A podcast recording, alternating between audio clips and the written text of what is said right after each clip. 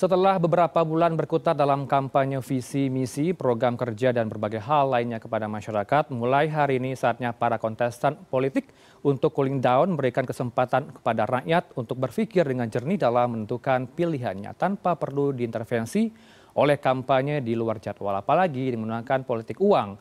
Bergabung bersama kami melalui sambungan daring dengan dalam editorial view pada malam ini bersama dengan Mbak Dewi Safitri, Standard and Practice CNN Indonesia. Selamat malam, Assalamualaikum Mbak Desaf. Kita akrab menyapanya Mbak Desaf di kantor. Selamat malam, Mbak Desaf. Selamat malam, Ronald. Ya. Waalaikumsalam. Apa kabar? Sehat, Alhamdulillah. Mbak Desaf, kalau melihat di balik harapan dan juga upaya masyarakat untuk mewujudkan pemilu damai, pemilu, pemilu yang tenang, tentu ada potensi yang mengganggu uh, jalannya upaya damai dan juga tenang ini. Kalau potret dari CNN Indonesia seperti apa, Mbak, Mbak Desaf? Oke, uh, hmm. kalau boleh kita ingin menyampaikan dulu uh, bagaimana redaksi melihat hmm. uh, jalannya kampanye sepanjang beberapa bulan ini ya, hmm. uh, semacam katakanlah evaluasi tingkat. Uh, jadi kita melihat bahwa apa yang terjadi sepanjang masa kampanye uh, pemilihan presiden terutama, meskipun hmm. juga ada pemilihan uh, legislatif ini berjalan dengan memberikan be, apa memberi, uh, memberikan beberapa kejutan hmm. uh, dan itu layak menjadi catatan. Yang saya maksud kejutan adalah misalnya begini. Uh, pada kampanye kali ini kita merasakan ada atmosfer uh, muda ya. ada gairah bagaimana kelompok-kelompok muda yang selama ini uh, sangat sulit dijangkau untuk hmm. masuk ke dalam uh, politik, ke dalam uh, situasi politik praktis, uh, ke dalam Eh, gelombang elektoral itu uh, nampaknya terutama beberapa bulan terakhir sangat terlibat ya. Kita hmm. melihat mereka ada di uh, media sosial, kita melihat mereka ada di lapangan, kita melihat mereka ter, terlibat dalam kerja-kerja uh, elektoral uh, dan ini tentu sangat uh, menggembirakan sekaligus menjanjikan ya karena hmm. Indonesia akan dipimpin oleh uh, anak-anak muda ini lima sepuluh eh, lima belas sampai eh, sekian puluh tahun ke depan. Dan melihat mereka pada hari ini terlibat dalam eh, proses-proses elektoral itu sangat penting. Dan sepertinya hal seperti ini baru pertama kali kita kita alami ya. Terutama sejak sejak masa reformasi. Jadi ini satu catatan yang yang sangat penting. Yang kedua kita melihat sendiri kegairahan publik ya termasuk audiens uh, CNN Indonesia, bagaimana orang sangat invested, sangat uh, tertarik untuk ikut nimbrung dalam uh, perdebatan tentang se seperti apa kualitas uh, uh, terutama ya, lagi-lagi calon presiden dan calon wakil presiden kita. Uh, orang me menonton debat dengan sangat serius, kemudian uh, saling bertukar komentar, uh, meskipun tidak dapat dipungkiri ada saling bully juga gitu ya. Tapi itu menunjukkan bahwa uh, orang uh, terutama elektoral uh, yang mereka yang punya hak pilih itu memang merasa sangat berkepentingan dengan hmm. apa yang uh, ada dalam uh, perdebatan uh, di arena uh, capres maupun cawapres ini dan hmm. dan lagi-lagi itu merupakan uh, satu keuntungan uh, buat uh, bangsa ini karena semakin banyak orang yang terlibat, semakin orang banyak orang yang peduli, maka harapannya kita akan mendapatkan calon-calon yang yang semakin baik. Uh, yang lain lagi saya kira adalah uh, kita bersyukur sepanjang proses kampanye ini yang pada tahun-tahun uh, periode-periode lalu itu sering kali diwarnai dengan bentrokan fisik dan kemudian uh, jatuhnya korban jiwa ya, uh, korban kerugian materi maupun korban jiwa. Pada tahun ini itu tidak menjadi uh, headline ya tidak uh, mungkin ada uh, dan dan memang sudah ada uh, jatuh uh, korban tetapi uh, itu tidak uh, menjadi apa hal yang menonjol di berbagai uh, sudut Indonesia itu itu sangat sangat kita uh, syukuri. Tapi di sisi lain juga kita melihat bahwa proses-proses untuk menegakkan aturan uh, kampanye yang tegak, yang uh, sesuai dengan undang-undang tidak berjalan sebaik yang kita harapkan. Uh, di antaranya peran-peran uh, lembaga utama dalam uh, pemilu seperti KPU dan Bawaslu dan terutama Badan Pengawas Pemilu ya hmm. uh, untuk uh, melakukan teguran, melakukan monitoring dan menindak dengan sanksi itu uh, sangat kurang gitu ya. Terutama dalam hal-hal yang sebenarnya kita dengar dan uh, kita lihat menjadi concern banyak orang di mana-mana. Misalnya bagaimana uh, beberapa media mengangkat bansos dipakai sebagai alat politik atau yang baru lalu beberapa media juga rame-rame mengangkat uh, termasuk kita di CNN Indonesia ya bagaimana orang secara terang-terangan mengaku mendapatkan uang uh, untuk datang ke acara kampanye uh, memenangkan paslon tertentu. Uh, dari dua apa sisi itu ya uh, kita melihat bahwa pengalaman dalam uh, kampanye kali ini uh, cukup berwarna dan uh, kemudian kita berharap bahwa ini akan menjadi bahan yang eh, memadai bagi para pemilih di seluruh Indonesia dan dalam masa tenang ini seperti tadi dikatakan ini akan cukup untuk menjadi bekal memikirkan apa ini kira-kira yang akan yang akan kita lakukan di bilik suara tanggal uh, eh, 14 Februari nanti. Baik, Mbak Desaf, kalau melihat polarisasi apakah ini muncul di tahun 2024 ini kita dibandingkan dengan yang terjadi pada 2019 silam tercipta ada polarisasi dua kubu apakah uh, anda melihat ada hal yang terjadi juga di 2024 ada hubungan yang tidak romantis harmonis antara sanak keluarga keluarga sendiri orang tua karena berbeda pilihan bagaimana ASEAN Indonesia melihatnya hal ini saya kira uh, perbedaannya sangat jauh ya. Hmm. Uh, 2019 itu terjadi bukan cuma karena 2019 saja pemilihan uh, presiden, tetapi juga karena dua tahun sebelumnya ada 2017 ya di Jakarta ada pemilihan gubernur yang hmm. uh, situasinya memang uh, sangat uh, frontal ya berhadapan-hadapan antara dua kubu.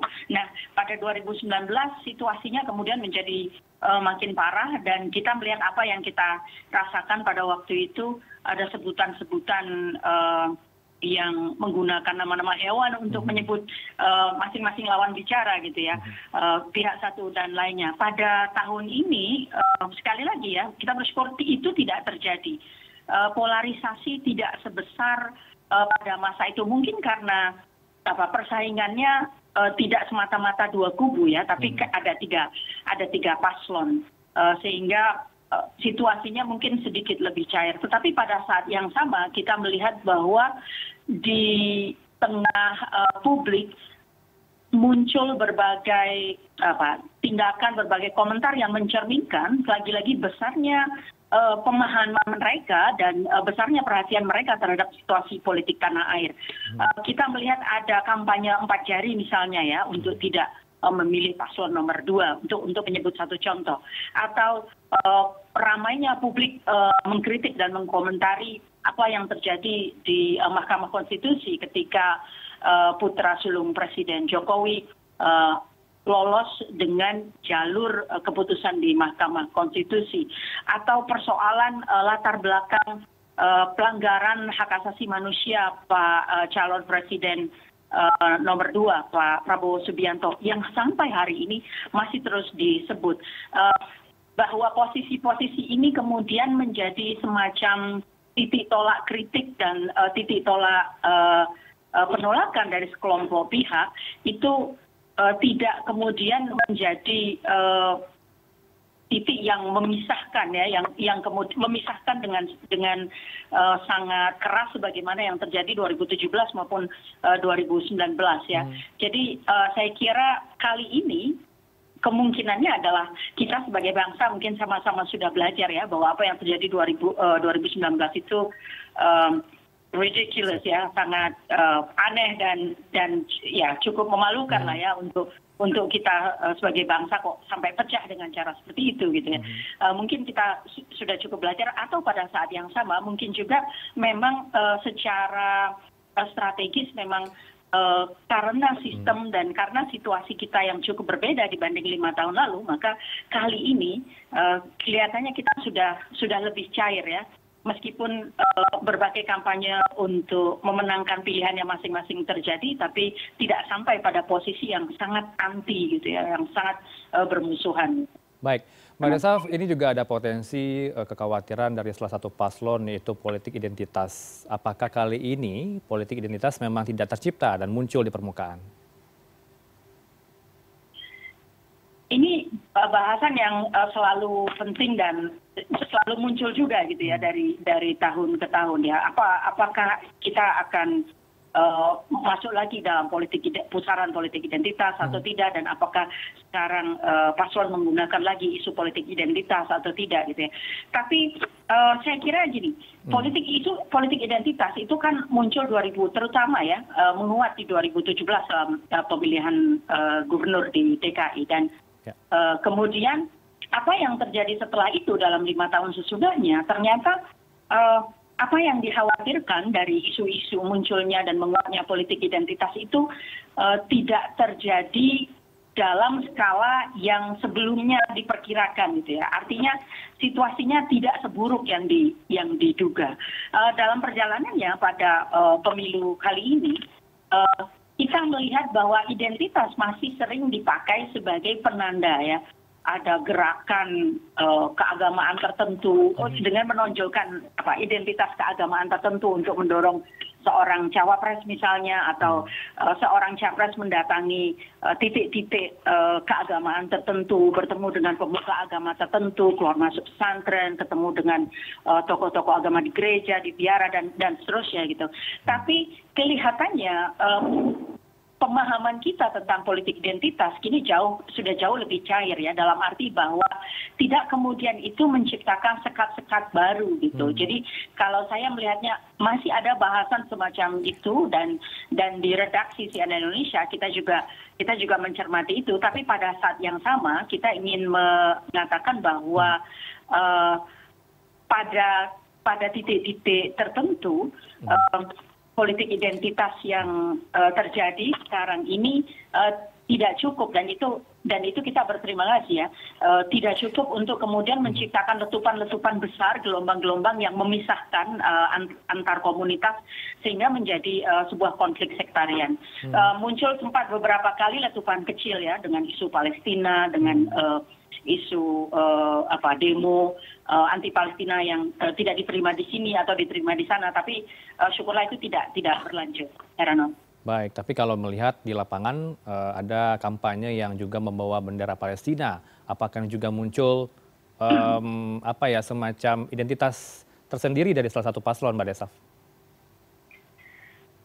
Uh, ini pertanyaan yang uh, menarik juga ya, hmm. karena isu Palestina itu uh, beberapa kali muncul ya di, di panggung debat dan di panggung kampanye ya. Beberapa uh, paslon uh, menggunakan Palestina sebagai semacam positioning gitu untuk hmm. menempatkan apakah mereka itu dalam posisi yang mendukung atau atau menolak gitu. Ya. Tapi ini Indonesia ya, ini bukan negara mana pun. Jadi di hmm. Indonesia saya rasa dan uh, di redaksi kita memahami sekali bahwa uh, garis besar dukungan kita sebagai haluan kita sebagai bangsa adalah mendukung uh, kemerdekaan Palestina. Jadi tidak akan ada paslon yang uh, cukup ajaib gitu ya yang berpikir bahwa wah kita mau apa uh, menolak ya. uh, bicara soal Palestina atau menolak mendukung Palestina. Saya kira hmm. tidak tidak akan ada yang bersikap seperti itu ya. Hmm. Uh, bahkan uh, Menteri uh, bahkan paslon nomor dua Pak Prabowo Subianto dalam posisinya sebagai Menteri Pertahanan hmm. uh, melepas uh, kapal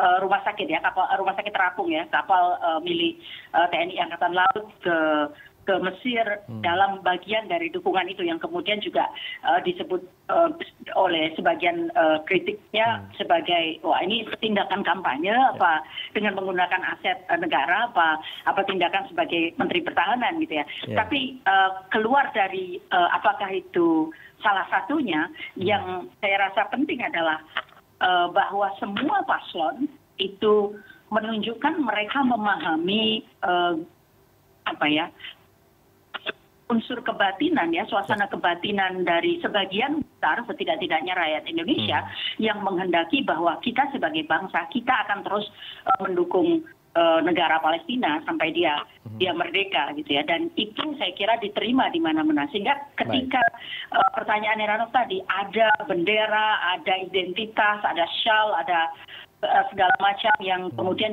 muncul di di tengah-tengah uh, aksi kampanye salah hmm. satu paslon misalnya uh, sulit untuk tidak mengatakan bahwa ya kalau uh, bendera dan identitas Palestina ya kita terima saja gitu ya. Hmm. Justru orang yang um, me mengkritik pemakaian bendera Palestina itu mungkin kemudian uh, dia harus siap menerima kritik balik karena penerimaan terhadap Palestina itu bisa disebut cukup aklamatif ya kalau di, hmm. di Indonesia di tengah uh, elektoral Baik. Indonesia. Baik, sebagai closing statement minta dari CNN Indonesia juga redaksional seperti apa untuk bagaimana ke depannya di masa tenang ini media punya peran yang cukup aktif dalam mengawal pemilu 2024 ini. Silakan Mbak Desaf. Saya kira yang ingin kita lihat adalah bagaimana uh, pertama peran uh, media itu menghargai tetapi juga dihargai terutama oleh eh, pihak-pihak yang paling berkepentingan dengan terselenggaranya uh, proses pemilu yang jujur, adil dan damai ya. Hmm. Dalam hal ini adalah KPU dan Bawaslu. Kita menunggu peran mereka dan uh, kita terus uh, mencermati apa yang harusnya dilakukan oleh uh, mereka dalam arti kalau aturan yang sudah ada uh, undang-undangnya sudah mengatakan ABCD uh, itu diikuti sehingga kita bisa ikut memastikan jalannya pilpres dan pileg dengan dengan baik. Yang kedua Eh, kita mengharapkan dari para paslon untuk lagi-lagi uh, bekerja sama ya supaya apa yang uh, sudah di sudah disepakati dicanangkan dan disepakati dalam integritas kampanye dan pelaksanaan pilpres dan pileg ini kita bisa kita di media ya kita di redaksi bisa mengikuti juga dengan sebaik-baiknya. Kita menghindari uh, sekali ada persoalan-persoalan termasuk intimidasi terhadap uh, awak media, uh, apa bully dan ancaman-ancaman uh, lain yang uh, muncul di tengah-tengah kita menjalankan tugas-tugas kita sebagai uh, mata dan telinga publik uh, untuk menyiarkan uh, berbagai pemberitaan berkaitan dengan Eh, eh, kampanye sudah berkaitan dengan eh, pelaksanaan hari tenang dan pelaksanaan proses pemungutan suara dan setelah itu kemudian pelaksanaan penghitungan suara sampai kemudian diumumkan dan diketahui siapa pemenang dari seluruh proses ini. Dan ini rangkaiannya meskipun kampanye sudah selesai, rangkaiannya masih panjang sampai kita kemudian menyudahi seluruh proses elektoral ini sampai pada titik nanti diumumkan uh, bagaimana proses pergantian kekuasaan akan berlangsung dengan damai. Uh, jadi kita berperan uh, para uh, aparat negara, terutama di KPU Bawaslu berperan, para paslon timnya dan uh, uh, semua basis elektoral masyarakat dan uh, pemilih juga berperan gitu. Jadi uh, semuanya berperan sehingga uh, terjadi ke keseimbangan sehingga kita bisa sama-sama mengawal jalannya uh, pemilu dan uh, pemilihan presiden kali ini. Baik, baik. CNN Indonesia kemudian keluarga besar segenap Transmedia maupun media di tanah air semuanya pasti mengawal Pesta Demokrasi 2024 ini. Terima kasih untuk waktunya di Editorial View.